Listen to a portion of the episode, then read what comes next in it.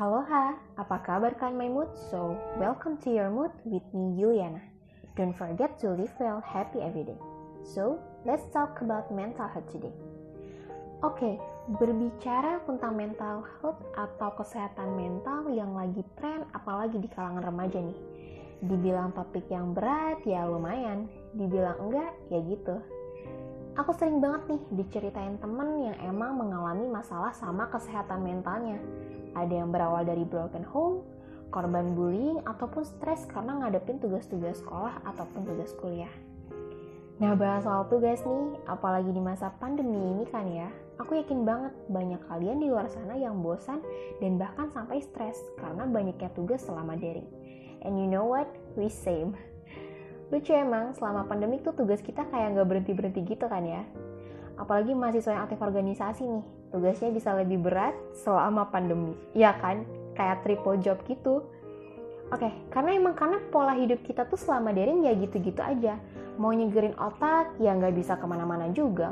Karena harus ngikutin protokol kesehatan dari pemerintah kan. Definisi mau pasrah, tapi ya gitu. Pasrah-pasrah nggak rela. Oke, oke. Sorry, malah jadi curhat ya. Mari kita balik ke topiknya. Masalah mental itu sebenarnya bisa terjadi sama siapa aja. Namanya juga hidup kan ya, bumbu-bumbunya pasti banyak. Termasuk masalah kehidupan yang bisa bikin kita punya gangguan mental. Bahkan di berbagai sosial media, sekarang tuh banyak banget nih yang bahas tentang makin tingginya kasus remaja yang mengalami mental illness, depresi, dan berbagai gangguan mental lainnya nih. Oke, jadi dari tadi kita ngebahasin soal mental illness ataupun masalah kesehatan nih. Menurut Organisasi Kesehatan Dunia sendiri atau yang kita kenal dengan WHO, kesehatan mental itu sebenarnya apa sih? Jadi gini, kesehatan mental itu menurut WHO adalah keadaan sejahtera di mana setiap individu bisa mewujudkan potensi mereka sendiri. Artinya, mereka dapat mengatasi tekanan kehidupan yang normal, dapat berfungsi secara produktif dan bermanfaat dan mampu memberikan kontribusi kepada komunitas mereka. Namun, di saat seseorang tidak mampu mengendalikan dan menghadapi tekanan hidup yang dialami, ya hal ini dapat memicu terjadinya gangguan mental nih, ataupun mental illness. Bihanes, aku termasuk dari salah satu remaja yang mungkin mengalami beberapa masalah kesehatan tersebut. Ya, menjadi anak broken home, mengalami stres berlebih hingga depresi di usia yang sangat muda tentu bukan hal yang mudah ya. But we need to survive, right? Jadi, kalian di luar sana pun yang merasakan ataupun mengalami hal, hal tersebut jangan putus asa gitu. Karena Tuhan tuh pasti bakal ngasih jalan dan kita bakal bahagia pada masanya. Nah ngebahas tentang mental illnessnya sendiri nih ada berbagai macam gejala berdasarkan jenis gangguan mentalnya tersebut. Gejala yang terjadi bisa menyerang fisik ataupun kondisi psikologis seseorang serta dapat berpengaruh pada emosi dan pikirannya nih Oke, ada beberapa contoh-contohnya nih, seperti perasaan sedih dan sulit merasa bahagia. Pasti dong kalian ngerasain kayak, duh kok gue sedih banget ya, duh kok kayaknya gak happy deh hari ini, kenapa ya bete banget gitu, pasti sering ya.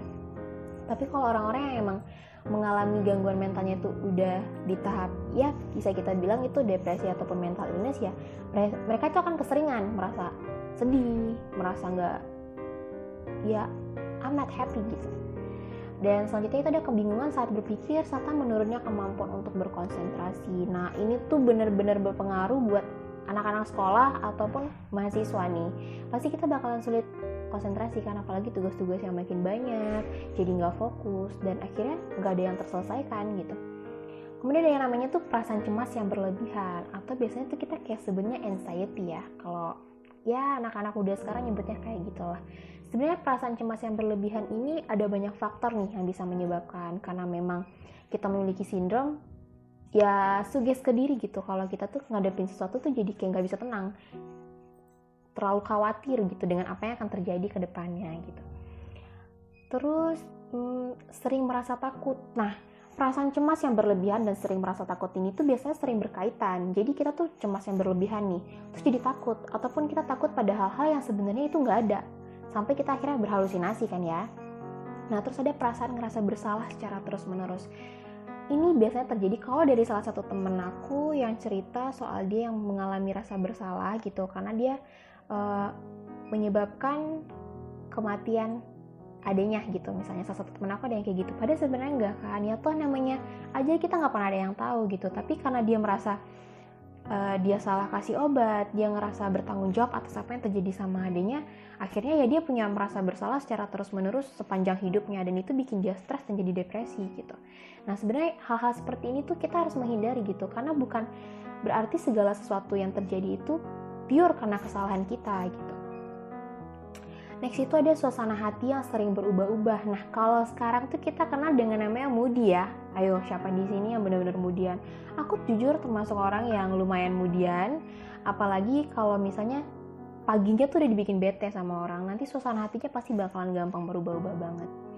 Kemudian terus ada yang namanya cenderung menghindar dari teman dan aktivitas yang disukai. Ayo, siapa di sini yang sering menghindar dari teman-teman yang kayak ngerasa, kok males ya? Kayak nggak seru aja gitu sama temennya gitu. Kayak udahlah mau sendiri aja gitu lebih baik menyendiri baca buku. Oke mungkin kita punya yang namanya ketertarikan terhadap dunia kita sendiri tapi bukan berarti kita harus menghindari teman-teman kita gitu. Misalnya kita selama ini suka main basket tapi ternyata saat kita ngerasa lagi nggak mood udahlah nggak usah capek gitu. Padahal sebenarnya kita tertarik dan suka dengan hal itu gitu. Mungkin dari kalian ya Maimut bisa perhatiin nih gejala-gejala ya yang sebenarnya simple dan sering diabaikan, tapi sebenarnya ini harus diperhatikan secara detail. Kemudian sering merasa lelah dan tidak berenergi tapi sulit tertidur.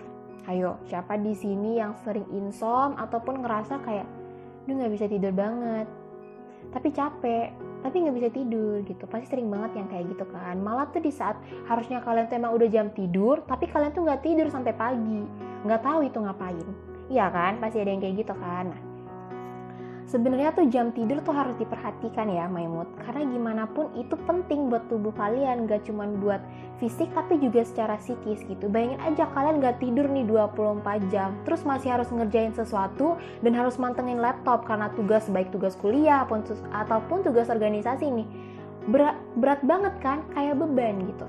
Nah itu itu harus diperhatikan ya Maimut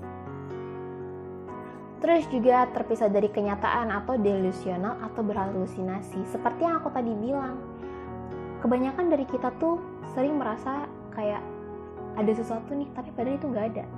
Kita halusinasi gitu. Kita nggak bisa ngebedain mana yang nyata, mana yang enggak, mana yang benar, mana yang salah gitu. Hal-hal kayak gini sebenarnya sering terjadi sama orang-orang yang udah di tahap dia capek sama dirinya sendiri, dia capek sama dunianya dan dia ngerasa kayak dia butuh seseorang mungkin. Nah, pasti ada nih yang punya teman halu. Ada tuh biasanya yang punya teman halu kan ya. Tapi sebenarnya ini tuh nggak baik karena berdampak besar terhadap psikis kalian. Jadi harus dihindari ya dan kayaknya kalau emang ini udah berkelanjutan kalian harus ke dokter deh. Kemudian ada yang tidak mampu menanggulangi masalah atau stres. Hayo, siapa yang lari dari masalah karena saking stresnya? Terus nangis sendiri di pojokan. Itu salah ya, Maimut gak boleh banget. Itu namanya juga menyakiti diri sendiri secara halus. Dan juga nih, sulit memahami situasi dan orang di sekitar. Gak ngerti sama situasinya nih. Dan bukan yang gak ngerti, tapi kadang gak mau mengerti gitu. Karena tadi udah stres duluan, udah capek, udah yang kayak ngerasa, udahlah ngapain gitu pahamin orang lain orang lain aja nggak mau memahami kita gitu kan hal-hal kayak gini nih bisa memicu stresnya makin bertambah sebenarnya. Kemudian mengonsumsi alkohol secara berlebihan dan penyalahgunaan obat terlarang. Ini benar-benar harus dihindari ya Maimut.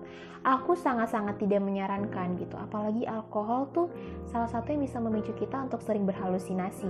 Tidak bisa membedakan mana yang nyata dan mana yang enggak. Menggunakan obat terlarang apalagi nih ya atau yang kita kenal ya narkoba atau nafza dan sejenisnya nih ini bisa memicu gangguan pada mental, gangguan pada kesehatan fisik gitu. Dan yang pastinya ini bisa bikin orang-orang terdekat kita bakalan sedih ya Maimut. Kemudian ada namanya perubahan signifikan pada pola makan. Gini, ada yang biasanya nggak makan sama sekali berhari-hari. Ya bukan karena mereka nggak lapar, mereka nggak mau makan gitu. Ada nih yang kayak gitu ataupun yang makan secara berlebihan sekali dua jam makan sekali sejam makan gitu. Dengan porsi yang maksudnya di luar nalar manusia juga gitu.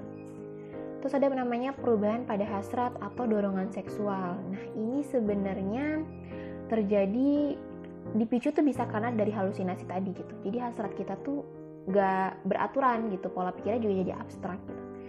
Kemarahan yang berlebihan dan mengarah pada kekerasan. Ya bisa dibilang pelampiasan ya Jadi mungkin bisa menyakiti orang lain ataupun menyakiti diri sendiri. Ini tuh karena kita udah nggak tahu lagi nih mau ngelampiasinnya ke mana. Akhirnya ya udah nyakitin diri sendiri, nyakitin teman sendiri, nyakitin keluarga sendiri gitu. Pikiran untuk mengakhiri hidup atau bisa disebut dengan suicide suicide thought gitu ya. Kalau suicide attempt itu kalau udah ngelakuin gitu.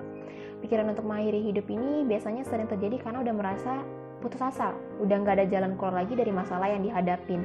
Akhirnya ya udah, udah deh mau mati aja, udah deh kayaknya udah nggak berguna lagi nih di hidup. Hidup ini tuh kayak berat banget gitu. Kebanyakan dari mereka yang merasa putus asa, mereka akan berusaha untuk mengakhiri hidupnya, punya pikiran gitu untuk mengakhiri hidupnya.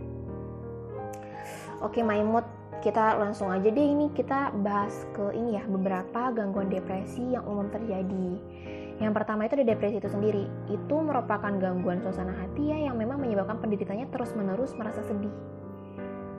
Ya berbeda dengan kesedihan yang biasa berlangsung selama beberapa hari, mungkin berminggu-minggu ataupun berbulan-bulan gitu. Perasaan sedih pada depresi itu bisa berlangsung bahkan tahunan di mana mereka kayak sedih terus kayak ngerasa nggak ada bahagia bahagianya di dalam hidup gitu yang kedua itu ada kita sebut dengan skizofrenia.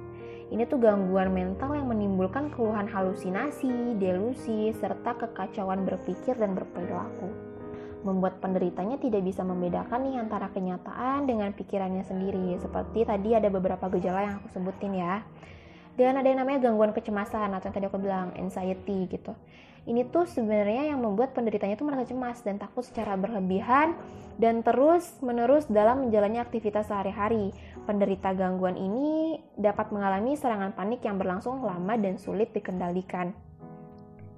Selanjutnya itu ada yang namanya gangguan bipolar. Nah, di sini jenis gangguan mental yang ditandai dengan perubahan suasana hati.